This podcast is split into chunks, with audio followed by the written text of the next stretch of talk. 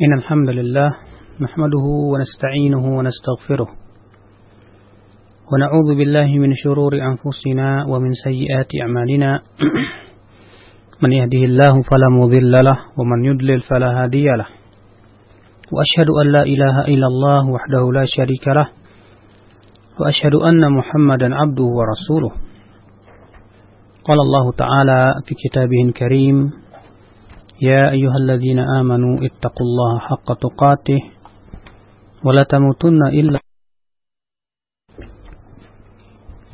أما بعد أيها الإخوة kita melanjutkan kajian ya syarah dari kitab Al-Wajiz dan kita masih di kitabun nikah masuk ke pembahasan yaitu al-khitbah melamar apa itu al-khitbah? Hiya talabu zawaj min al-mar'ah bil wasilati al-ma'rufati bainan nas yaitu meminta untuk menikahi seorang wanita dengan wasilah yang ya uh, ma'ruf. Apa sudah merupakan kebiasaan di suatu daerah. Fa'in hasalatin muwafaqah apabila misalnya seorang si wanita tersebut menyatakan setuju ya fahiya mujarradu wa'din bizawaj maka itu hanya sebatas janji menikah. Ya bukan lantas kemudian setelah dilamar si wanita jadi halal, tidak. Ya, tidak seperti yang kita lihat di masyarakat Indonesia ini, ya. Di mana apabila seorang laki-laki sudah apa namanya melamar ya wanita, dia menganggap bahwa wanita itu sudah istrinya. Bahkan naudzubillah sebagian mereka berzina, kumpul kebo, ya karena sudah menganggap bahwa dia pasti akan dinikahi olehnya.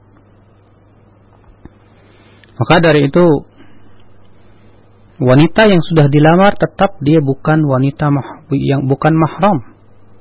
Dia tidak halal untuk dicampuri. Tidak halal untuk ya ada apa yang disebut dengan di Indonesia itu pacaran atau yang lainnya. Adapun hukum khitbah ia bukanlah syarat sah nikah. Menurut ya, madhab syafi'iyah, bahwa khidbah itu hanya sunnah saja. Ya, karena Rasulullah Shallallahu Alaihi Wasallam yang melamar Aisyah, demikian pula Rasulullah SAW melamar Hafsah bintu bintu Umar dan mujarradul fi'l la yadullu al wujud wa innama dalla ala al istihbab.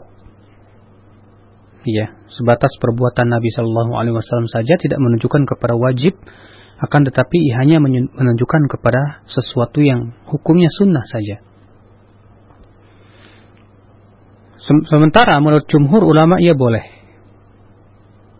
Ya.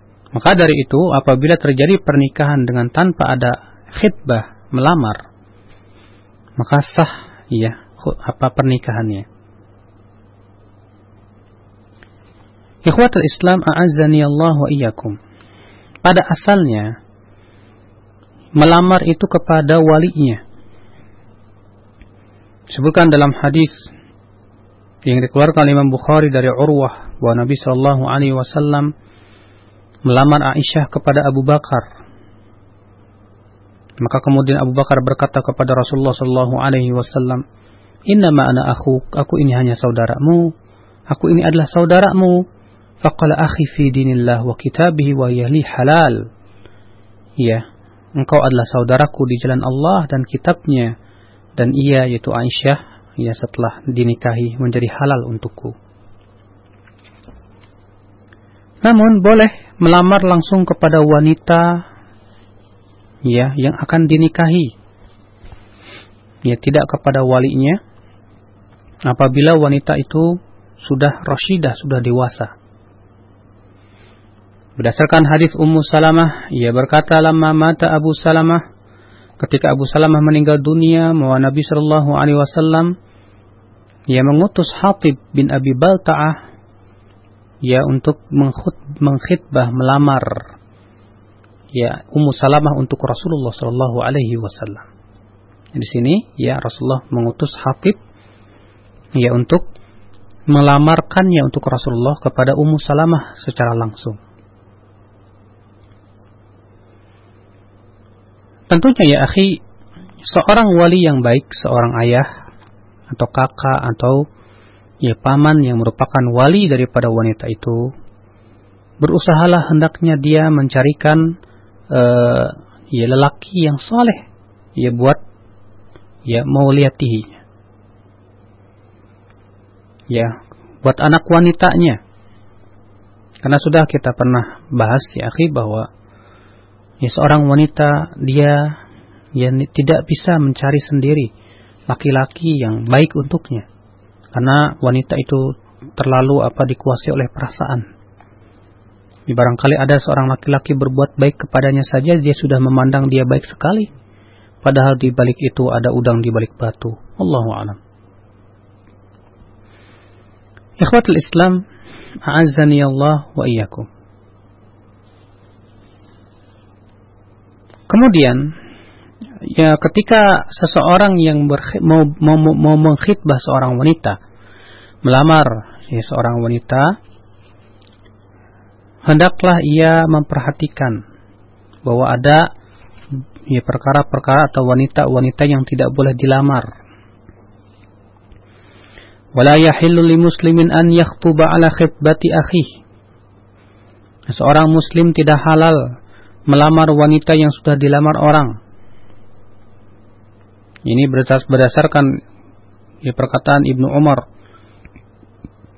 Di mana Ibnu Umar radhiyallahu anhu berkata nahan Nabi sallallahu alaihi wasallam an yabi'a ba'dukum ala ba'i ba'd wa la yakhtubur wa la yakhtubar rajulu wa la yakhtubu rajulu ala khitbati akhihi hatta yatruka al-khatibu qablahu aw ya'dan lahu al-khatib bahwa Nabi Shallallahu Alaihi Wasallam melarang untuk membeli sesuatu yang sudah dibeli orang lain dan melarang ya melamar seorang wanita yang sudah dilamar oleh orang lain sampai ia ditinggalkan oleh pelamar yang pertama atau diizinkan oleh pelamar yang pertama. ya maka tidak boleh ya kita melamar wanita yang sudah dilamar orang lain. Akan tetapi, bila kita mengetahui misalnya bahwa wanita tersebut ya tidak setuju atau masih ragu apa diterima atau tidak. Maka pada waktu itu ikhwatul Islam a'azzani Allah bolehlah kita ya untuk melamarnya. Ya, sebagaimana disebutkan dalam hadis bahwa ada seorang wanita datang kepada Rasulullah sallallahu alaihi wasallam dan berkata, "Ya, wahai Rasulullah, wahai Rasulullah, datang kepada saya dua orang." ya. Yaitu meminang saya. Ya, kemudian wanita itu menyebutkan siapa sahabat yang melamarnya. Maka kemudian Rasulullah Shallallahu Alaihi Wasallam bersabda, adapun Muawiyah fasaluk, adapun Muawiyah, ya dia itu orang nggak punya duit, miskin, kere. Adapun Abu Jaham itu orang ya tidak pernah meletakkan tongkatnya dari pundaknya, artinya suka memukul istrinya. Maka nikahlah dengan Usamah ya bin Zaid. Lihat di sini ya, wanita ini sudah dilamar dua orang. Ya, karena ya, dia belum memberikan muafakah persetujuannya. Atau misalnya dia belum setuju karena belum serap. Maka pada waktu itu kalau misalnya kita tahu wanita itu belum memberikan persetujuannya atau belum serap, maka pada waktu itu boleh melamar seorang wanita yang sudah dilamar orang lain. Kemudian ya akhi tidak boleh dan tidak halal mengkhid, mem, apa, melamar wanita yang masih dalam iddah. Ya wala yahillu khitbatu wala yahillu law khitbatul mu'taddah min talaqin raj'i لأنها زوجة كما لا يجوز التصريح بخطبة المعتدة من طلاق بائن أو وفاة زوج ولا بأس بالتعريض لقول الله وقول الله تعالى ولا جناح عليكم فيما عرضتم به من خطبة النساء أو أكننتم في أنفسكم dan tidak halal ya ia melamar wanita yang masih dalam iddah dari tolak raj'i apa itu tolak raj'i nanti insyaallah kita akan jelaskan ya secara terperinci hakikat daripada tolak tolak raj'i yaitu wanita yang ditolak ditalak oleh suaminya satu dan dua karena ya kalau dia ditalak satu menunggu ya tiga kali bersih kalau ternyata belum dirujuk juga ya setelah tiga kali bersih ya dituluk ditalak juga belum di, belum dirujuk juga oleh suaminya maka pada waktu itu si wanita boleh dilamar. Ya tapi selama dia masih idahnya yaitu menunggu ya tiga kali bersih, maka tidak boleh dilamar. Ya, tidak diperbolehkan seseorang karena kenapa? Karena dia masih hak suaminya yang pertama. Ya, suaminya yang pertama masih berhak untuk rujuk kepadanya. Demikian pula ya akhi a'azzani Allah wa iyyakum ya wanita yang berada dalam idah tolak bain. Tolak bain itu ya setelah ditalak tiga ya maka kemudian dia talak talak bain maka dia berada di atas iddah ya selama tiga kali bersih tidak boleh ya ia nikahi tidak boleh ia e, lamar karena ia masih dalam iddahnya demikian pula wanita yang ditinggal mati oleh suaminya di mana idahnya adalah empat bulan sepuluh hari. Maka selama itu tidak boleh dilamar. Ya Allah kecuali sebatas yaitu ta'arif pemberian isyarat saja. Sebagaimana firman Allah Subhanahu wa taala, "Wala junaha 'alaikum fima aradtum bihi min khitbatin nisa'i aw aknantum fi anfusikum." Dan tidak mengapa atas kalian pada apa-apa yang kalian ta'rif ya dari lamaran ya wanita yaitu isyarat. Ikhwatal Islam, a'azzani Allah wa iyyakum. Sekarang kita masuk kepada pembahasan akdun nikah, yaitu akad nikah.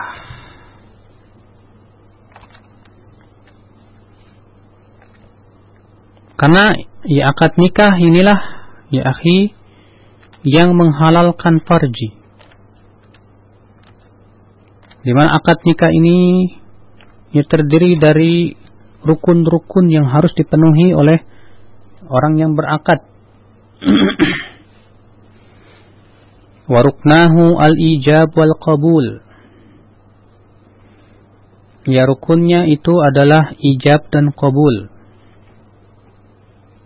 Ya.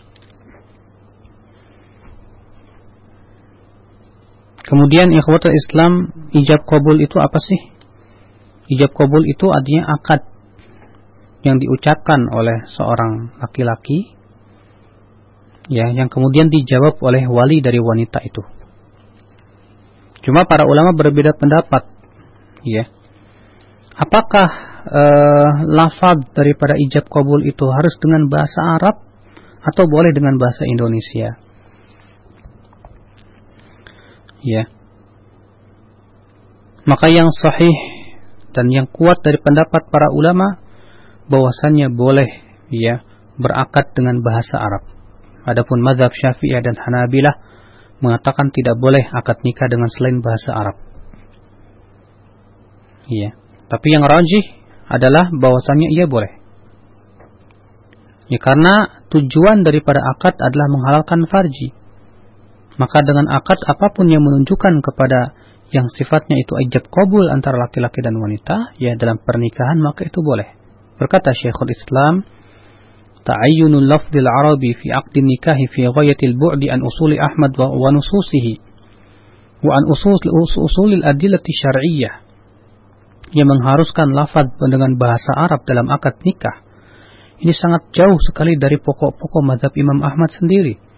Bahkan jauh juga dari pokok-pokok dalil-dalil syariat idin nikahu yasihu minal kafir wal muslim karena nikah itu sah ya baik pernikahan orang kafir ataupun pernikahan orang muslim. Wa huwa wa in kana qurbah wa innama hiya kal itqi was sadaqah. Ya di mana ia itu sama dengan memerdekakan dan sedekah. Wa ma'lumun anna al-aqda la yata'ayyan lahu lafdhun la arabiyyun wa la ajami dan telah diketahui bahwa akad itu tidak diharuskan lafaz tertentu. Ya tidak dengan bahasa Arab, tidak pula dengan bahasa selain Arab. Waqf wal hibah la yata'ayyan laha lafzun arabiyyun bil ijma'. Ya demikian pula sedekah, wakaf, hibah ya tidak diharuskan harus dengan lafaz Arabi dengan bahasa Arab dengan ijma' para ulama. Ya. Maka dari itu apabila terjadi akad nikah dengan bahasa Indonesia misalnya karena memang kedua misalnya kedua mempelai tidak mem, tidak memahami bahasa Arab wali dan ininya tidak memahami bahasa Arab. Namun kalau misalnya ya mereka semua bisa bahasa Arab maka itu sangat ditekan sekali ditekankan sekali untuk ya berbahasa Arab.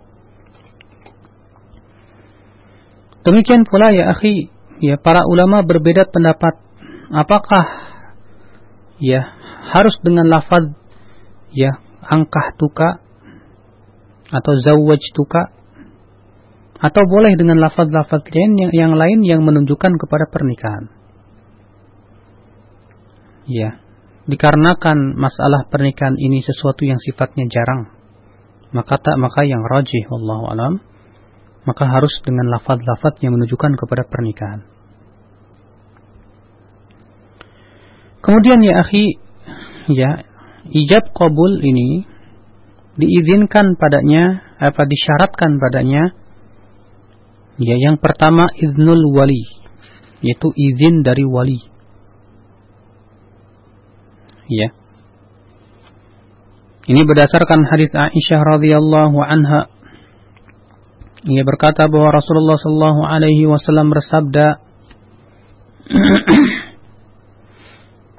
Ayyuma mra'atin ay, ayyuma mra'atin lam yunkihha al-waliyyu fanikahuha batilun fanikahuha batilun fanikahuha batilun fa in asabaha falaha mahruha bima asaba minha wa in istajaru fasultan waliyu man la waliyalah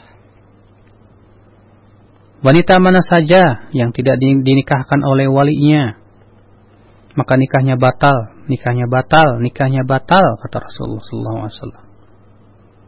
Ya. Di sini tegas sekali Rasulullah mengatakan bahwa wanita ya yang tidak dinikahkan oleh wali seperti yang di zaman sekarang subhanallah ya munculnya jamaah-jamaah Islam yang mengkafirkan selain jamaahnya yang kemudian yang menikahkan ya adalah ustadz dari jamaah itu yang katanya dia sebagai wali hakim. Ya. Yang mendirikan sendiri hakim, menentukan hakim sendiri. Yang kemudian si wanita itu dinikahkan tanpa persetujuan dari wali yang sebenarnya yaitu orang tuanya. Ya, maka itu semua ya akhir tidak sah. Itu semua tidak dibenarkan. Nah, ini dikarenakan munculnya pemikiran kafir mengkafirkan yang Subhanallah di zaman sekarang kita lihat ya sangat tampak sekali.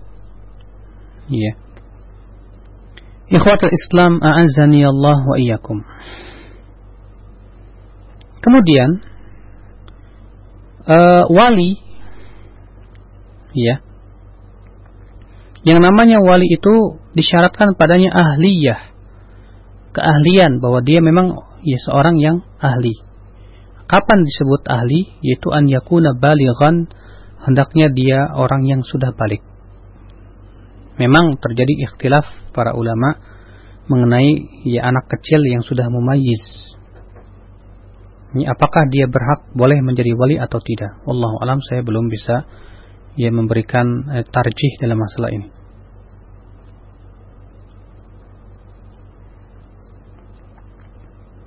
Ikhwatul Islam, a'azzani Allah wa iyyakum.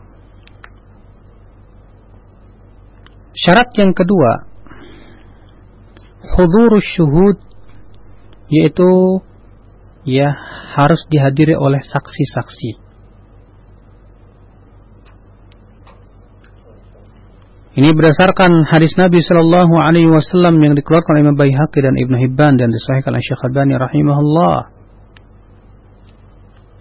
Ya. La nikaha illa biwaliyin wa syahidai adlin. Tidak sah nikah. Ya. Orang apa tidak sah nikah kecuali dengan wali dan dengan dua saksi dan dengan dua saksi yang adil. Ini berarti harus ada dua saksi yang adil, ya, dan harus dengan wali.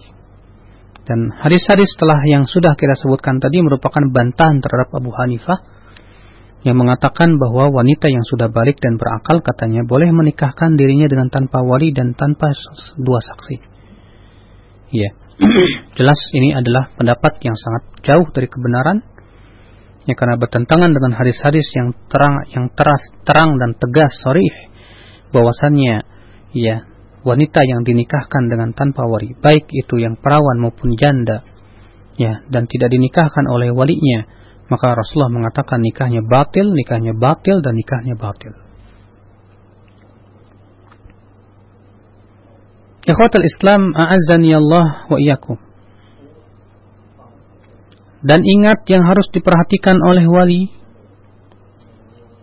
ya tidak boleh si wali ya uh, apa namanya memaksakan untuk menikahkan anak wanitanya dengan seorang laki-laki. Ya harus diminta izinnya dulu. Ya, makanya di sini dikatakan fa innahu yajibu 'alal wali isti'dzan man fi wilayatihi minan nisa qabla zawaj ya wajib seorang wali itu minta izin dulu kepada wanita yang akan dinikah yang akan dinikahkan sebelum menikah. Wala yajuzu lahu ijbarul mar'a 'ala zawaj illam tarda dan apabila si wanita tidak mau dan tidak ridho tidak boleh ia memaksakannya. Ya kayak Siti Nurbaya itu semua tidak diperbolehkan haram dalam Islam. Ya. Fa in aqad fa in aqada 'alaiha. Kalau ternyata bapaknya ia memaksa-maksa juga untuk menikahkannya. Sementara dia tidak ridha falaha faskhul aqdi maka wanita itu punya hak untuk membatalkan pernikahan. Ya. Sebutkan dalam hadis bahwa Nabi SAW bersabda, "La tunkahi ayyim hatta tustamar." Ya, seorang janda tidak boleh dinikahi sampai ia dimintai musyawarah wala tunkahul bikru hatta tusta'dzan dan seorang perawan tidak boleh dinikahi sampai diminta izin. Qalu ya Rasulullah wa kaifa idnuha? Mereka berkata wahai Rasulullah bagaimana izinnya? Ya qala antaskut yaitu diam. Karena di zaman dulu ya akhi ya para perawan tuh ya sangat kuat rasa malunya. Mereka itu untuk mengatakan iya itu malu sekali. Kalau zaman sekarang boro-boro. Ya sudah nggak punya rasa malu. Bahkan para perawan di zaman sekarang ini udah perawan setengah janda. Ya. Bukan dalam hadis wa an Khansa binti Khaddam al-Ansariyah. Ya al-Ansariyah anna abaha zawwajaha wa hiya thayyib fakarihat dhalik. Ya bahwa ayahnya menikahkannya ya, waktu itu ia sedang waktu itu ia janda dan ia tidak suka kepada laki-lakinya. Ia tidak mau untuk dinikahkan. Fa'atat Rasulullah sallallahu alaihi wasallam lalu ia datang kepada Rasulullah sallallahu alaihi wasallam faradda nikahaha dan Rasulullah pun membatalkan pernikahannya. Demikian pula dari hadis Ibnu Abbas, ya hadis yang tadi yaitu dikeluarkan oleh Imam Bukhari, Abu Daud, Ibnu Majah dan Nasai. Demikian pula Ibnu Abbas, ya dari Ibnu Abbas bahwasannya ada seorang perawan datang kepada Nabi sallallahu alaihi wasallam Lahu anna abaha zawwajaha wa hiya karihah. Lalu ia menyebutkan bahwa ayahnya yang menikahkannya dalam keadaan ia tidak mau. Ya. Fakhayyarahan Nabi sallallahu alaihi wasallam maka Nabi SAW memberikan pilihan, silahkan mau diteruskan atau mau dibatalkan. Ya. Lalu bagaimana kalau wanita tersebut masih kecil? Ya, anak wanita tersebut masih kecil. Bolehkah ayahnya menikahkan dengan seorang laki-laki yang lain sehingga setelah besar baru diberitahu misalnya ini suamimu. Ya. Maka para ulama hampir semua ulama menyatakan bahwa wanita yang masih kecil yang belum balik ya boleh dinikahkan oleh ayahnya dengan tanpa izinnya. Ya, sebab tidak ada makna untuk meminta izin kepada orang yang tidak tahu bagaimana izin. Ya, ini berdalil dengan kisah bahwa Rasulullah SAW pernah Abu Bakar menikahkan Aisyah dengan Rasulullah yang waktu itu masih kecil. Ya. Ikhwatul Islam, a'azani Allah wa iyyakum. Ini adalah uh, apa namanya yang harus diperhatikan oleh seorang wali. Nah sekarang jadi permasalahan siapa wali itu? Ya, para ulama berbeda-beda pendapat mengenai siapa wali. Mana maksudnya wali wali yang mana yang paling berhak untuk menikahkan? Ya. Adapun wali ya mereka adalah al-asabah yaitu saudara-saudara dari apa apa dari kalangan laki-laki yaitu ayah. Ya demikian pula paman, demikian pula kakak, demikian pula adik, ya itu adalah walinya. Akan tetapi para ulama berbeda pendapat. Ya mana yang paling berhak ya untuk menikahkannya? Menurut Hanafiyah anak-anak wanita si anak lebih berhak. Menurut Malikiyah ya ya anak kemudian ayah kemudian ikhwah saudara-saudaranya Ya, kemudian menurut Syafi'iyah ayah, kemudian kakek, kemudian saudara-saudaranya, kemudian anak-anaknya, kemudian paman. Ya. Yang jelas, akhi, bahwa e, tabit atau batasan dalam wali adalah al-qarabah wal hirsu ala maslahatil mar'ah wa riayatiha. Yaitu kerabat dan ya keinginan yang kuat kesungguhan untuk kemaslah mengurus kemaslahatan si wanita. Dan ini tidak mungkin terjadi kecuali kepada seorang ayah. Ya di mana ayah itu lebih banyak ya rasa kasih sayangnya. Bahkan dialah yang mengurus dari semenjak kecilnya. Maka dari itulah madhab syafi'iyah dan hanabilah itu yang lebih kuat. Bahwa ayah ya lebih apa didahulukan daripada yang lainnya. Kemudian setelah itu kakeknya. Kemudian setelah itu terjadi ikhtilaf antara syafi'iyah dan hanabilah kalau Syafi'iyah mengatakan saudaranya, kalau Hanabilah mengatakan anaknya, anak si wanita itu. Iya. Dan yang rajih wallahu alam, pendapat Syafi'iyah, kemudian ya pendapat Hanabilah dalam masalah ini. Ya, wallahu alam.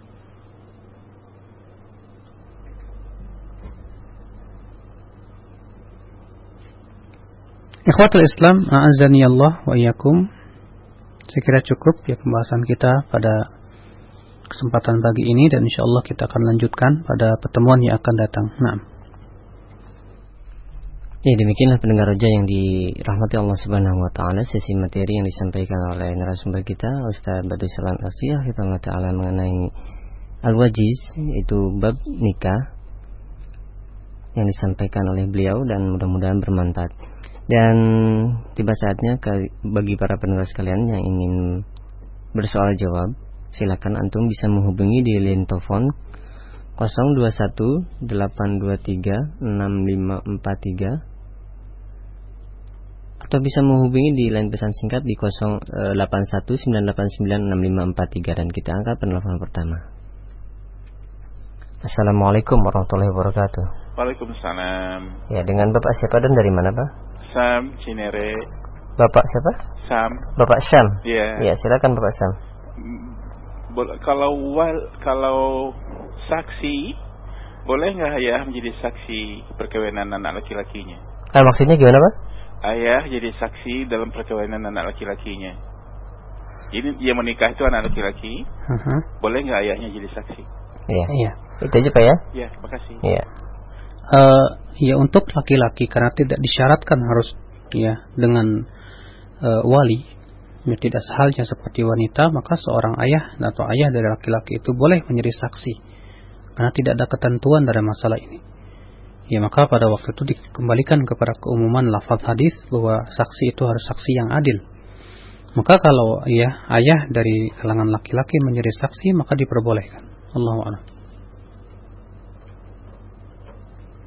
Ya demikian untuk Bapak Syam yang berada di Cikarang. Selanjutnya masih kita angkat di line telepon 0218236543 Assalamualaikum warahmatullahi wabarakatuh. Waalaikumsalam Dengan siapa Umi? Dengan Ummu Sulha. Ummu Sulha di mana? Ya, di Jakarta Timur. Di Jakarta Timur. Ya silakan Umi. Ya.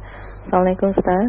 Assalamualaikum Dari keluarga kami ada yang yang seperti tadi Ustaz katakan bahwa dia dinikahkan keluarga kami laki-laki dinikahkan oleh ustadznya, oleh gurunya dengan wanita kebetulan mohon maaf bercadar, bercadar dan berpakaian hitam. Kemudian eh, apakah nikahnya itu sah? Hingga kini sudah beranak empat Ustaz dan pihak keluarga kami masih tetap menganggap itu belum sah. Bagaimana menurut Ustaz? Baik, terima kasih. Assalamualaikum warahmatullahi wabarakatuh. Waalaikumsalam warahmatullahi wabarakatuh. Iya, secara hukum asal ya bahwa e, pernikahan yang tidak dinikahkan oleh walinya, bahkan walinya dari ayah dan tidak setuju, lalu kemudian dinikahkan oleh ustadznya, ya walaupun dia bercadar tidak mengharuskan, ya, karena tidak setiap yang bercadar itu ternyata di atas akidah yang sahih. ya, banyak yang bercadar juga ternyata pemikirannya pemikiran khawarij misalnya, ya yang mudah mengkafirkan Ya ada juga yang bercadar tapi ternyata pemikirannya sufi. Ya karena sebagian sufi itu juga ada yang mewajibkan cadar. Ya, kita tidak bisa uh, apa namanya uh, apa menghukumi secara apa namanya umum setiap yang bercadar berarti sama orangnya tidak. Maka dari itu ya ustadz yang menikahkan bila ustadz yang menikahkan karena ustadz itu bukan wali bukan pula hakim maka pada asalnya tidak sah. Ya, tidak sah. Ya. Se seharusnya si wanita tersebut ya dinikahkan oleh walinya. Cuman karena terkadang pemikiran yang menyesatkan itu dianggap bahwa bapaknya kafir. Ya, dianggap bahwa penghulu juga kafir. Sehingga apa yang terjadi si bapak katanya tidak berhak untuk menikahkan karena kafir. Ya, penghulu dianggap kafir karena katanya itu termasuk bagian dari pemerintahan. Akhirnya apa yang terjadi karena pemikiran yang menyesatkan ini akhirnya si wanita dinikahkan oleh ustadznya. Ya, subhanallah akibat dari pemikiran ini. Makanya menanggung dosanya adalah si ustadz itu. Adapun si wanita tadi karena kebodohan dia, karena ketidaktahuan dia, ya semoga Allah memaafkannya. Allah a'lam. Ya demikian untuk Ummu Sulha yang berada di Jakarta Timur dan selanjutnya masih di 0218236543 sudah ada Bapak Turhamun yang berada di Cikarang. Silakan Bapak. Assalamualaikum Ustaz. Waalaikumsalam warahmatullahi wabarakatuh. Uh, mau tanya uh, hukum wali lewat telepon itu gimana Ustaz? Wali wali dari perempuan. Perempuan. Iya. Itu aja. Terima kasih Ustaz. Iya. Ya. Assalamualaikum. Waalaikumsalam warahmatullahi wabarakatuh. Allahu alam akhi, ya. Saya tidak tahu tentang masalah ini. Nanti kita akan bahas lagi apakah itu boleh atau tidak. Ya, dan kita akan lihat dan baca apa nama cari fatwa-fatwa ulama tentang masalah ini. Nah.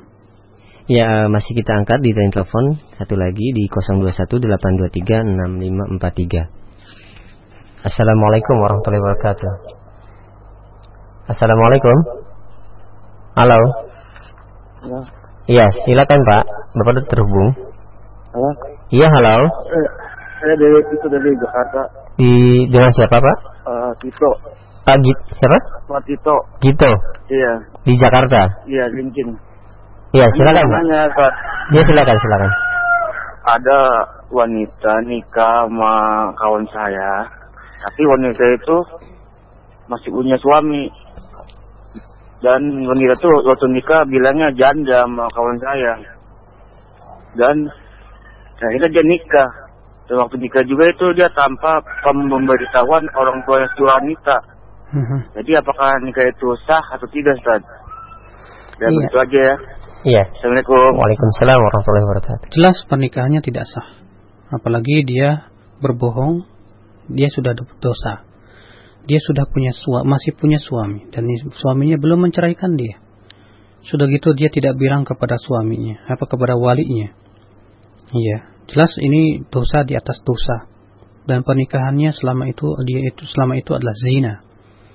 Ini semua adalah ya perkara yang jelas ya sangat menyimpang dari syariat Islam ini. Maka kewajiban bapak adalah mengingatkan. Ya, dan bahwasanya itu adalah perbuatan zina yang diharamkan. Nah. Ya, setelah kita angkat penelpon uh, pertanyaan dari para penelpon, selanjutnya kita angkat pertanyaan melalui pesan singkat yang sudah cukup banyak. Yang pertama, Assalamualaikum warahmatullahi wabarakatuh dari hamba Allah. Uh, Ustadz, bagaimana hukumnya tunangan dalam Islam karena si akhwat belum siap untuk menikah? Ya, akhi, apabila seorang akhwat belum siap menikah, jangan ia mengadakan tunangan atau yang lainnya sebab seperti ini akan menyebabkan banyak mudarat. Ya, mudarat yang pertama yaitu akan kotor hatinya. Sering bahkan bisa ini bisa menjerumuskan kepada zina. Baik itu zina ya hati atau zina mata atau zina pikiran. Bahkan naudzubillah bisa menjerumuskan kepada zina ya badan, hubungan badan. Maka kalau memang si akhwat itu belum siap, ya, tidak perlulah dia dilamar atau yang atau menerima tunangan dulu. Ya, kita tidak tahu. Barangkali ya setelah apa setelah beberapa lama atau setelah dia siap ternyata ada lelaki yang lebih baik ya dari lelaki yang pertama tersebut. Maka tunangan-tunangan seperti itu apalagi dengan adanya cincin-cincin tunangan yang merupakan ikatan-ikatan yang itu semua adalah ya diada-adakan dalam Islam maka itu semuanya hendaknya dijauhkan karena itu bukan berasal dari Islam. Allah Saya itu masih di pesan singkat 3081989543. Assalamualaikum warahmatullahi wabarakatuh dari akhwat yang demi Allah. Ustadz, dulu Ana menikah di jemaah tertentu, baru nikah lagi di KUA dalam keadaan hamil. Apakah pernikahan kami sah?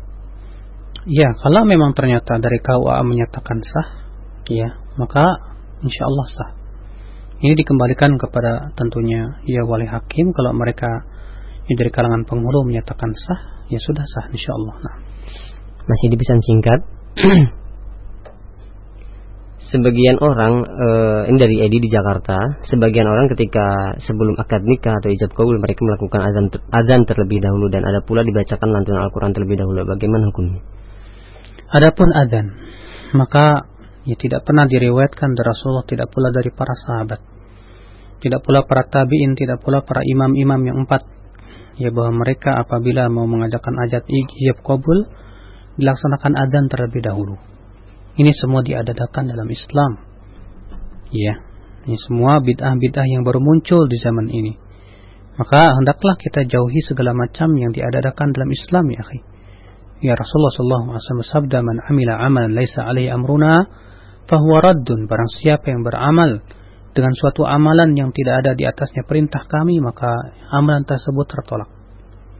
Adapun membacakan Al-Quran ini pun juga belum kita ya dapati ya contoh itu dari salafun salih tidak dari sahabat tidak pula dari tabiin tidak pula dari tabiut tabiin tidak pula dalam kitab-kitab ya para ulama madhab ya bahwa mereka apabila menikahkan atau ijab kabul ya didahului dengan membaca Al-Quran terlebih dahulu. Allah.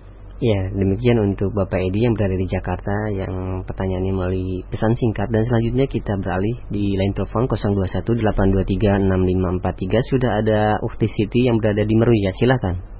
Assalamualaikum Ustaz. Waalaikumsalam warahmatullahi wabarakatuh. Uh, iya, saya punya kakak rencananya mau menikah uh, nah wanitanya ini uh, dari kecil ditinggal sama orang tuanya ayahnya nah ini uh, tapi saya tahu keberadaan orang tuanya uh, tapi uh, yang an ini uh, yang wanita ini sama orang tuanya nggak uh, mau ayahnya tuh mewakili gitu deh jadinya mau pakai adiknya aja sebagai walinya nah itu gimana ya Ustadz ya Terima kasih. Wassalamualaikum warahmatullahi wabarakatuh. Waalaikumsalam warahmatullahi wabarakatuh. Uh, ya wajib seorang wanita untuk memberitahu dahulu ayahnya. Karena sudah kita bahas tadi bahwa wali yang paling berhak untuk wanita adalah ayahnya. Ya bila tidak ada maka ya saudaranya boleh. Ya beritahu dulu. itu adalah merupakan suatu adab dan itu adalah sebuah kewajiban karena wali yang paling berhak adalah ayah ya beritahu kepada ayahnya bahwa dia ingin menikah bagaimana ayah apa ayah bisa menjadi wali kalau ternyata si ayah misalnya udahlah nggak apa-apa dinikahkan sama ya kakak kamu atau adik kamu maka pada tidak apa-apa. Allah ya demikian untuk uh, Akhti Siti yang berada di Meruya. Dan selanjutnya masih di line telepon 021 823 6543 sudah ada Ibu Reni yang berada di Jakarta. Silakan Ibu. Assalamualaikum. Waalaikumsalam. Ustadz uh, saya dulu uh, menikah mempunyai satu anak lalu uh, ada kejadian tidak enak kakak saya itu uh, memaksa saya cerai dengan suami dengan surat talak. Suami saya uh, tidak niat cerai tapi karena dipaksa menandatangani dan menandatangani. Lalu kami ingin rujuk apakah mesti nikah ulang sedangkan dia berpikir saya uh, tidak pernah merasa menceraikan kamu.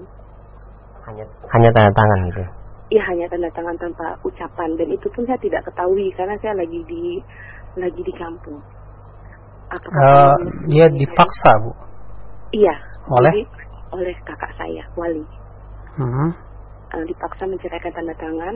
Sebabnya kenapa? Saya. Ya karena uh, ada masalah dia dengan kakak saya, ada masalah. Oh begitu. Ya begitupun uh, lagian juga waktu saya menikah rezeki agak seret dan kakak saya itu mungkin merasa kasihan gitu kepada saya. Jadi mungkin kata dan waktu saya, ia menandatangan tidak ada lafaz dan tidak ada lafaz talak dan tidak ada apa-apa apa gitu bu? Walau alam karena uh, saya tidak ada di tempat waktu kakak saya uh, suami saya menandatangani itu tidak pas uh, kata suami saya sih kami sudah bertemu sering ketemu di luar saat kata dia papa nggak pernah papa bilang sama kakak mama papa masih sayang sama mama sama anak sama anak papa tapi dipaksa uh, dengan kata-kata keluarga sudah tidak suka sama kamu tolong tanda tangan mau nggak mau papa nggak ada duit kata dia gitu sementara hati tidak tidak menceraikan gitu dan sampai sekarang pun kami suka bertemu di luar Ustaz Iya. Terus pengetahuan kakak saya. Iya. Ya. Cukup ya, Assalamualaikum. Waalaikumsalam warahmatullahi wabarakatuh. Apabila si wanita si laki-laki itu sebatas tanda tangan dan tidak ada ya mengucapkan ucapan-ucapan cerai, tidak pula ada niat untuk mentalak. Sebatas dia kemudian terpaksa tangan karena tangan tidak menunjukkan kepada cerai. Ya. Maka pada waktu itu Allah alam tetap ya ini butuh kepada niat. Ya, dan yang menentukan adalah niat. Bila tangan tersebut tidak ada lafaz talak, tidak pula ada niat untuk talak, maka Allah alam ya belum jatuh ya talaknya. Ya belum jatuh talaknya. Ya maka pada waktu itu ibu masih sebagai istri dia. Allah alam. E, bagaimana kalau dipaksa untuk diucapkan kata talak itu sih? E, paksaan itu ada dua macam. Ada tak paksaan yang sifatnya mulji. Artinya seseorang sudah kehilangan hak sudah kehilangan apa namanya pilihan lain. Maka kalau paksaan itu sifatnya mulji, maka tidak sah talaknya. Tapi kalau paksaan itu tidak mulji, dalam artian dia punya kemampuan juga untuk menolak, ya. Kemudian dia mengucapkannya juga, maka Allah alam jatuh talak. Ya, tapi itu baru talak satu. Ya, tapi itu balik, baru talak satu kalau misalnya sudah lama dia tidak rujuk, boleh dia kembali lagi kepada istrinya dengan akad nikah yang baru. Ya, Allah a'lam.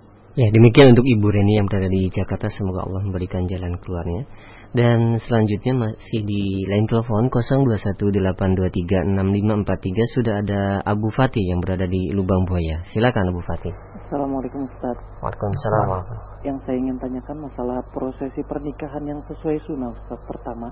Karena kan kita lihat selama ini uh, prosesinya itu kan ada baca-bacaan Al-Quran, terus mengucapkan syahadat, kemudian penghulu mengucapkan sesuatu ucapan kepada sang pengantin kemudian walinya menjawab kemudian lagi ada masalah psikotaklik Ustaz. Karena sebagian ada yang berkata psikotaklik itu merupakan perceraian setelah akad. Gimana Ustaz? Terima kasih. Assalamualaikum warahmatullahi wabarakatuh. Waalaikumsalam uh, apa namanya? Ikhwatul Islam bahwa proses pernikahan uh, dalam kalau kita mengikuti sunnah Rasulullah SAW tidaklah sesusah yang kita lihat di zaman sekarang. Saya tidak tahu ya bacaan-bacaan yang ada itu siapa yang membuatnya. Karena tidak pernah itu dinukil dari salafun salih. Tidak pula imam yang empat. Bahkan kalau kita baca membaca hadis-hadis Nabi SAW ketika menikahkan sebagian sahabat, kita dapati sangat mudah sekali. Seperti pernah disebutkan bahwa ada seorang wanita datang dan ia menawarkan dirinya kepada Rasulullah. Namun Rasulullah ya setelah melihat wanita itu kurang serap di hatinya, maka si wanita itu diam. Lalu berdirilah seorang laki-laki dan berkata, Ya Rasulullah, kalau begitu nikahkan dia dengan aku. Ya kata Rasulullah, ya apa kamu punya sesuatu untuk mahar? Tidak punya ya Rasulullah. Kata cari walaupun ya cincin dari besi. Ternyata dia pun tidak punya. Apakah engkau punya bacaan Al-Quran? Hafalan? Punya ya Rasulullah. Kata maka Rasulullah sabda angkah tuka aku nikahkan engkau dengan wanita ini, ya dengan apa yang kamu miliki, ya dari hafalan Quran itu ya maharnya. Kalau memang sudah tidak ada sama sekali yang lainnya. Setelah itu selesai. Ya sama sekali ya tidak sesusah yang ada zaman sekarang ini. Maka dari itu, ya yang pertama, ya ketika terjadi misalnya ijab kabul, yang harus diperhatikan di sini bahwa seorang wanita tidak boleh direndengkan dengan laki-laki ya ketika sebelum ijab kabul. Kenapa? Karena dia belum sah dan bukan mahramnya. Ya kita lihat di Indonesia ini, ya, si wanita dan laki-laki direndengkan. Ya. Ini jelas sesuatu yang sangat tidak sesuai dengan sunnah. Karena dia belum menjadi ya, istrinya. Bagaimana ya wanita itu di dalam kamar yang melaksanakan ijab dan kabul adalah wali daripada wanita itu.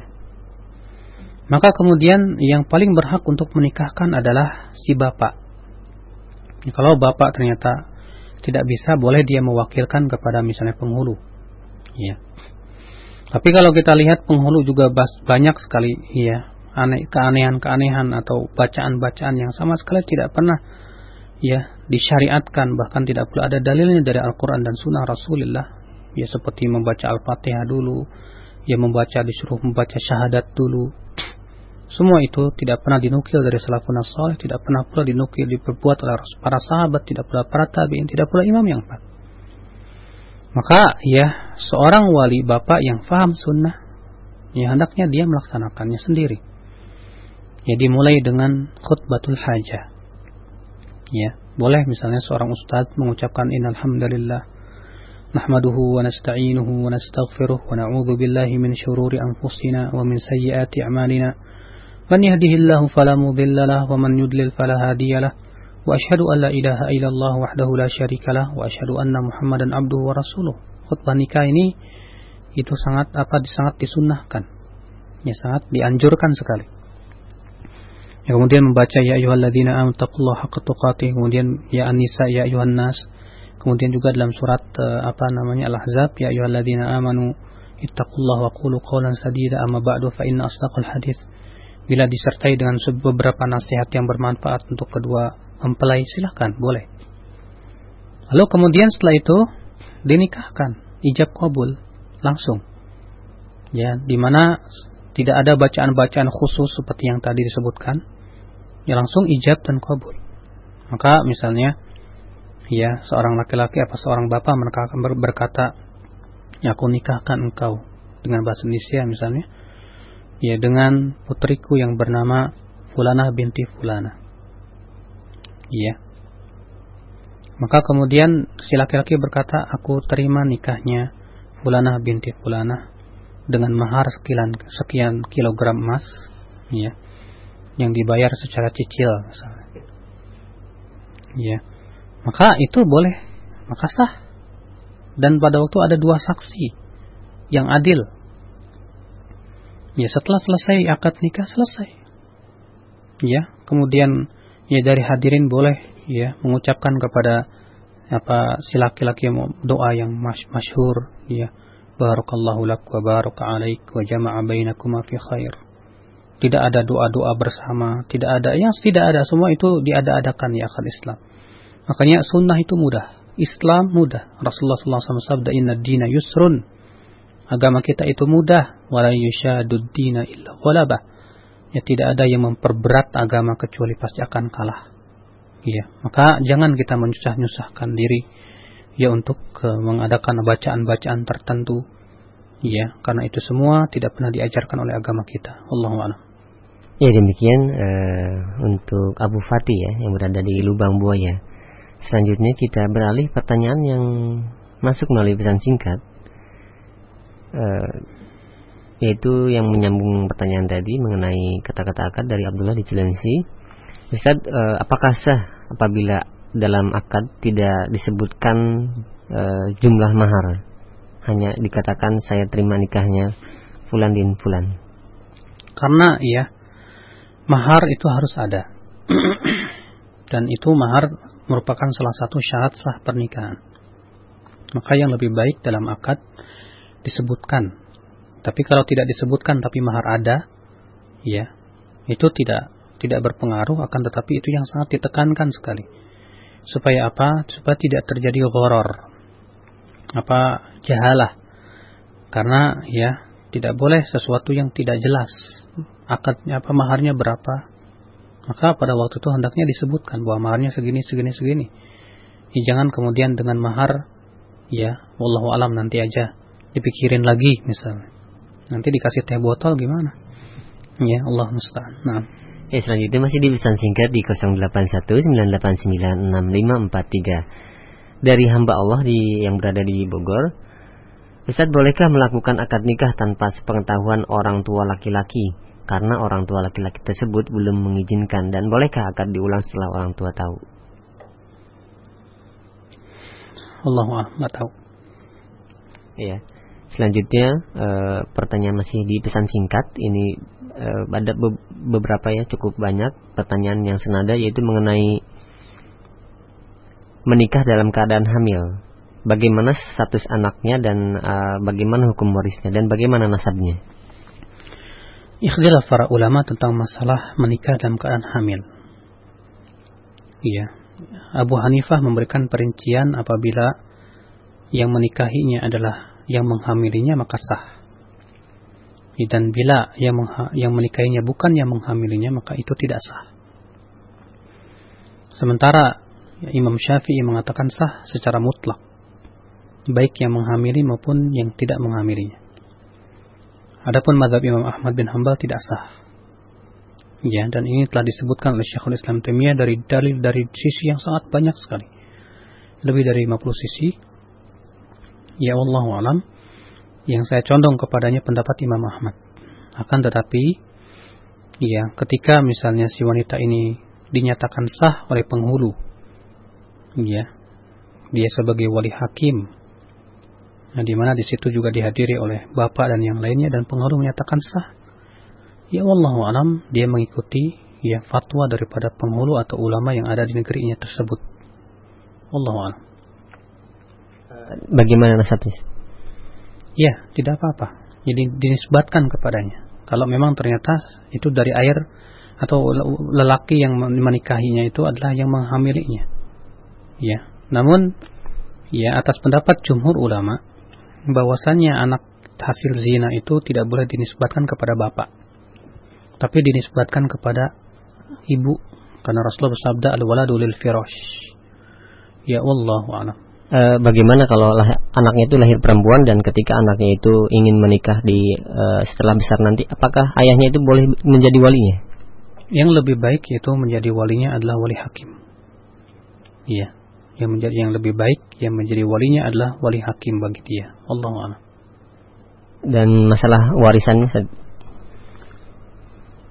uh, saya belum mem, salah apa belum mendapatkan ini apa belum memberikan apa mem, membahas tentang masalah apakah dia mendapatkan warisan dari uh, ayahnya tersebut atau tidak akan. Tetapi yang saya ingat bahwa pendapat jumhur mengatakan dia tidak mendapatkan warisan dari ayahnya tersebut. Ya akan tetapi apakah dia kalau misalnya dia bukan anaknya, Bokeh bolehkah si ayah tersebut ya menikahi si anak tersebut karena tidak dinisbatkan kepadanya? Jawab tidak boleh. Tetap tidak diperbolehkan. Makanya di sini ikhtilaf yang kuat para ulama. Adapun e, sebagian sahabat seperti Abdullah bin Umar, demikian pula diriwayatkan dari Ibnu Abbas yang menganggap pernikahan mereka sah dan anaknya pun juga tetap dinisbatkan kepada bapaknya. Allah alam.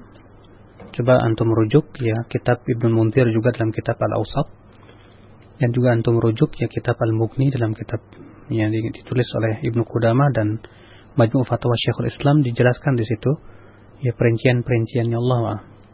Ya demikian untuk pertanyaan mengenai masalah uh, kehamilan di luar nikah ya.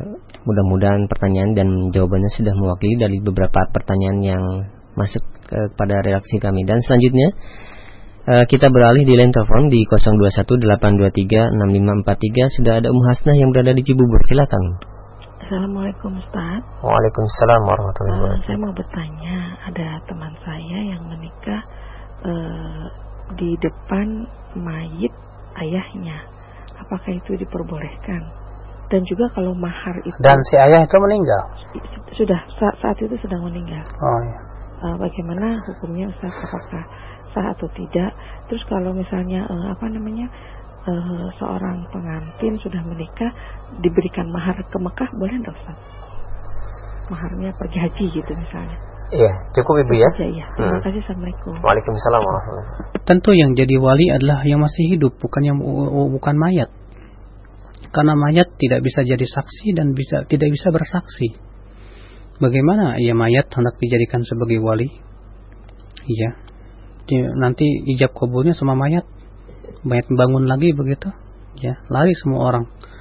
Maka dari itu ya yang menikahkan dia adalah wali yang masih hidup. Kalau misalnya si ayah meninggal dunia ya maka yang menikahkan dia adalah yaitu ada ikhtilaf para ulama apakah ya saudara-saudaranya dulu atau anak-anak itu kalau dia punya anak kalau dia janda misalnya maka saudara-saudaranya kalau dia perawan ya yang menikahkan dia.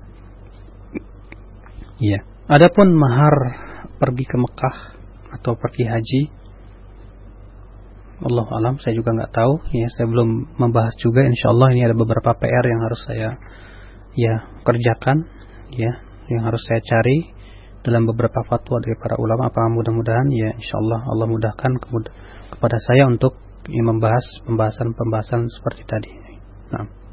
Ya, selanjutnya masih di 0218236543 sudah ada Bapak yang berada di, di Kambir ya. Uh, halo, Assalamualaikum. Halo, Waalaikumsalam. Uh, Bapak tadi terlupa dengan Bapak siapa?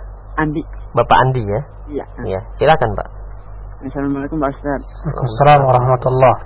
Saya mau nanya kriteria wanita yang yang harus dinikahi menurut sunnah karena minggu kemarin kajian saya nggak menyimak gitu. Mau diulang. Bapak belum nikah ya? Eh, Andi belum nikah ya? Belum. Belum. Iya. Ya. Uh, wanita yang kriteria yang hendaknya kita nikahi ya, yang pertama adalah kita utamakan yang mempunyai agama yang kuat, yang salihah dan akhlak yang baik. Ya karena Rasulullah Shallallahu Alaihi Wasallam bersabda, tunkahul mar'atu li arba bahwa wanita itu dinikahi karena empat perkara. Ya, yang pertama adalah karena kecantikannya. Yang kedua karena harkatnya. Yang ketiga karena hartanya. Dan yang keempat yaitu karena yaitu agamanya. Maka Rasulullah bersabda, "Fadfar bidzatid din taribat yadak." Ya, pilihlah yang mempunyai agama. Niscaya engkau akan bahagia. Yang kedua apa? Ya diusahakan ya yang banyak anaknya dan banyak cinta kepada suaminya. Sebagaimana Rasulullah SAW sabda at-tazawwaju al-wadud al-walud. Yang menikah nikahilah wanita-wanita yang banyak cinta kepada suami dan banyak anaknya. Fa inni mukatsirum bikumul umam. Karena aku berbangga ya dengan banyaknya umat pada hari kiamat.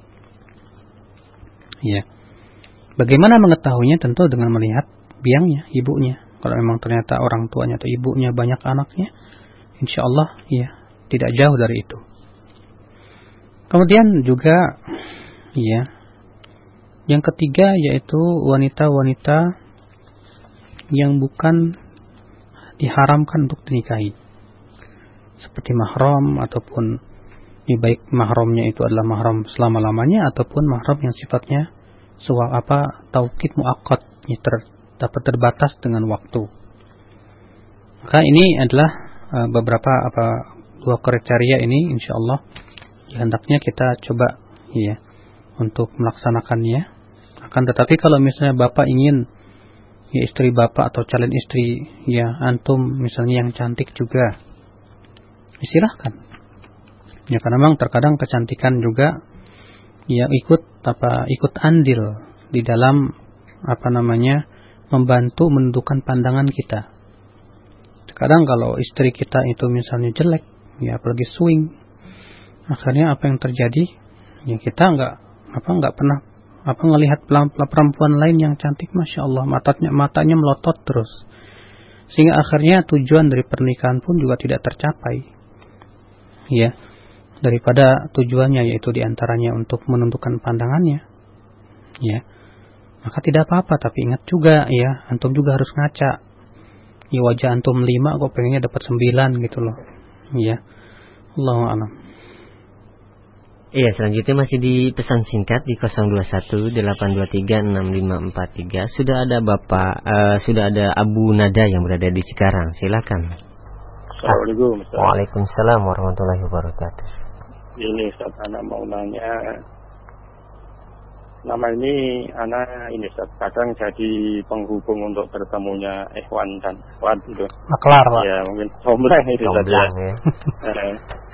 anu untuk yang kali ini untuk yang ketiga kali ini insya Allah. Uh-huh. Cuman ini Ustaz, anak kadang muncul di pikiran anak sendiri itu apa entah itu was-was apa gimana nanti mohon tanggapan dari Ustadz itu. Jadi kadang anak berpikiran nanti sekiranya kalau dari ikhwan ataupun akhwatnya nanti jadi menikah terus di keduanya ini ada sisi-sisi kurang sehingga menyebabkan kekecewaan di salah satu pihak, ini anak selaku penghubung ini kena tanggung jawab dari itu enggak gitu Ustaz. Kemudian untuk yang pertanyaan secara umumnya, Ana minta nasihat untuk Ana dan teman-teman yang lain yang mungkin membantu hewan maupun awat yang lain gitu Ustaz. Iya. Bisa saling bertemu sehingga melaksanakan pernikahan gitu. Iya. iya. Cukup nah, kan? Saja kau Ustaz. Baik. Perbuatan antum insya Allah, ya, perbuatan antum insya Allah termasuk perbuatan yang baik. Ya, karena mimbab ta'awun alal birri wa taqwa yang membantu orang-orang untuk mencarikan jodohnya. Lebih-lebih di zaman sekarang ya banyak sekali akhwat-akhwat. Ya terkadang kita lihat sudah tua ya sudah sampai umur ya sudah punya umur tapi belum juga ada ikhwan yang melamarnya. Maka antum kemudian mencarikannya. Ini insya Allah pahala besar di sisi Allah subhanahu wa ta'ala.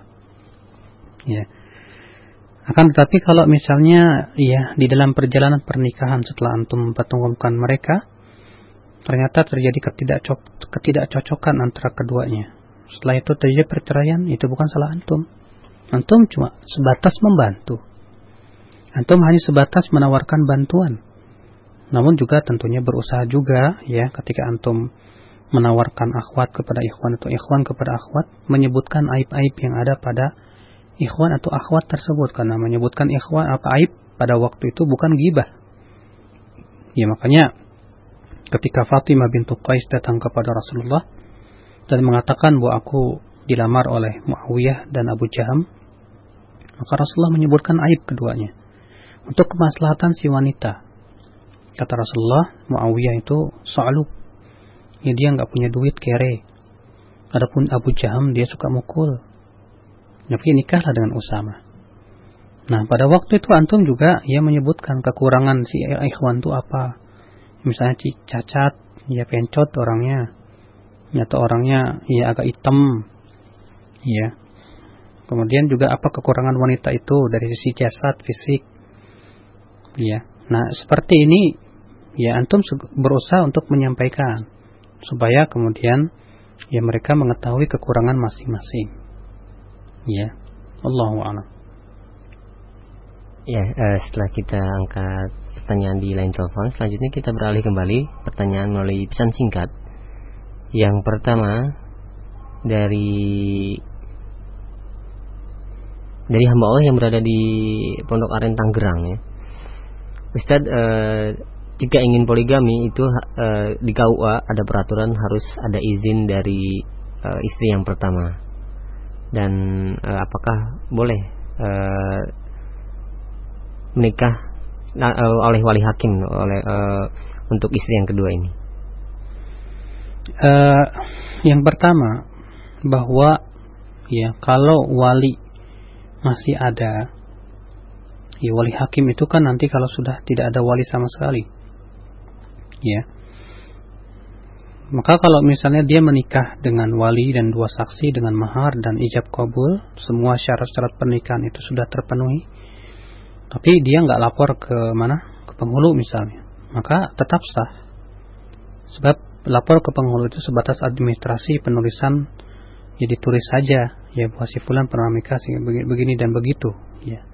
Tentu dari kalau kita lihat dari sisi kacamata agama bahwa itu bukan syarat sah pernikahan tapi sebatas ya pelengkap saja.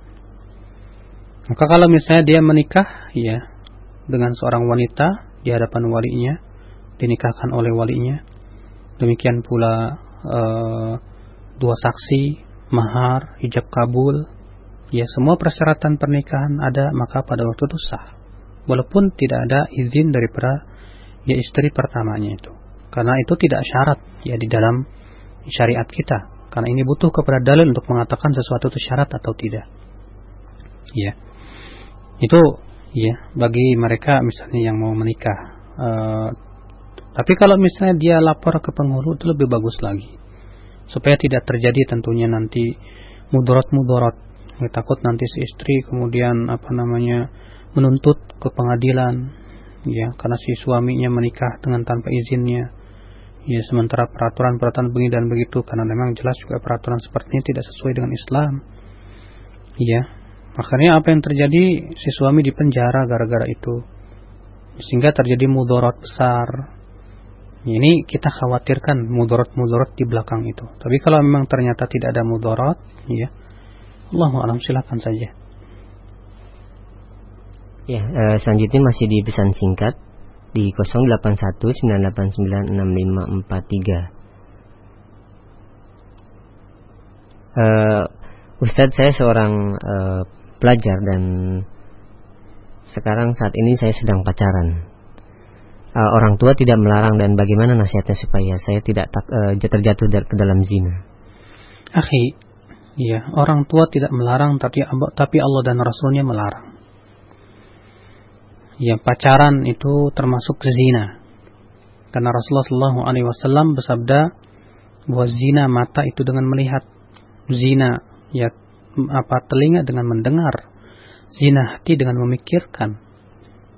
Ya, atau apalagi antum berdua-duaan, ya biasanya yang namanya pacaran itu tidak lepas dari yang pertama berdua-duaan tanpa mahram dan Rasulullah mengatakan tidaklah dua laki-laki dan wanita berdua-duaan kecuali yang ketiga setan. Ya, pacaran gak lepas dari pegang-pegangan. Pada Rasulullah mengatakan lebih baik kepala seseorang ditusuk dengan jarum besi, ya, daripada ia memegang wanita yang bukan mahramnya. Ya. Lebih-lebih juga akan terjadi naudzubillah cumbu rayu dan yang lainnya itu merupakan zina. Dan Allah berfirman wala taqrabuz zina ya jangan kamu mendekati zina. Maka segera sesuatu yang mendekati zina itu diharamkan dalam Islam. Maka jauhi pacaran akhi. Ya. Bila terkadang setan datang kepada engkau dan berkata, wah nanti kalau dia nggak dipacari oleh kamu, dia bakal ya perempuan itu bahkan dipacari oleh laki-laki lain. Ya, nanti dia akan disambar sama laki-laki lain. Itu sering kali muncul ya pemikiran-pemikiran seperti itu pada diri antum yakinlah bahwa ya takdir itu sudah Allah tuliskan. Istri kita siapa Allah pun sudah tuliskan. Kalaupun engkau pacaran sama dia, kalau Allah tidak takdirkan ia jadi istrimu tetap saja. Ya, sehingga engkau mendapat dua kerugian. Kerugian yang pertama engkau mendapatkan dosa besar. Yang kedua ternyata dia bukan istrimu dan tidak dia tidak Allah takdirkan dia untuk jadi istrimu. Iya. Kalau toh memang ternyata dia istrimu di dalam lahul mahfud dan Allah memang takdirkan. Ya, bagaimanapun juga misalnya si si, si wanita itu dilamar oleh beribuan laki-laki, kalau Allah tidak takdirkan, tetap dia akan menjadi milikmu. Ya, yakinlah kepada takdir itu. Ya, kemudian juga bahwa kita harus lebih mencintai Allah dan Rasulnya daripada mencintai wanita yang kita cintai itu. Yang terkadang ya e, cinta yang buta itu menyebabkan kita dikuasai oleh hawa nafsu sehingga kemudian membuat ya telinga dan mata kita ini buta dan bisu tuli ya. Berbagai macam nasihat terkadang disampaikan tidak mau didengar. Ya dibacakan ayat-ayat Al-Qur'an juga ya ia merasa kesal atau yang lainnya karena dia sudah dikuasai oleh cinta dan hawa nafsu. Iya. Sehingga akhirnya naudzubillah bila cintanya tersebut berubah bukan lagi cinta yang sifatnya ia fitrah namun cinta yang sudah sampai terkadang kepada tatayum yang itu mempunyai makna nilai ibadah. Ya dia lebih mencintai wanita itu lebih daripada mencintai Allah dan Rasulnya. Maka cintailah Allah dan Rasulnya. Kenalilah Allah dan Rasulnya. Ya. Sering-sering antum duduk di majlis ta'lim. Mendengarkan nasihat-nasihat. Yakinlah kalau memang wanita itu Allah takdirkan buat kamu, insya Allah akan bertemu suatu hari, suatu hari nanti. Kalau memang tidak ditakdirkan, ya tidak akan pernah bertemu walaupun kau pacaran 10 tahun lamanya. Itu pun juga sebuah dosa yang di ya yang yang jelas ya dosanya tan sebagaimana telah disebutkan dalam dalilnya tadi. Allah a'lam. Iya demikian untuk pertanyaan dari Dani ya berada di Cilengsi dan selanjutnya masih di pesan singkat di 0819896543 menyambung pertanyaan mengenai harus adanya izin uh, untuk poligami dari istri pertama yang di hadapan KUA yaitu ap apakah sah nikahnya seorang di hadapan KUA menulis data biodatanya itu uh, seorang laki-laki itu menulis dengan bujangan, tetapi pihak istri sudah tahu dan e, statusnya. Tujuannya supaya bisa menikah. E, apakah boleh? Apa e, berdosakah ini? Dari Umuwati yang berada di Jakarta. Ini dusta. Iya, dan berdusta itu haram dan termasuk dosa besar. Iya, hal innal kadhib yufdi ila al-fujur. Iya, wa innal fujur yufdi ila an-nar wa inna rajul la yakdzib hatta yaktuballahu yuktaba indallahi kadzdzaba. Dusta itu ia menjerumuskan kepada fujur dan fujur itu menjerumuskan kepada neraka. Dan seseorang berbuat dusta sampai di sisi ditulis di sisi Allah ia sebagai tukang dusta. Maka ya jangan berdusta. Tidak diperbolehkan dusta. Ya. Allahu alam. Saya kira cukup sampai di sini. Subhanakallahumma bihamdik. Asyhadu alla ilaha illa anta astaghfiruka wa atubu ilaika. Wassalamualaikum warahmatullahi wabarakatuh.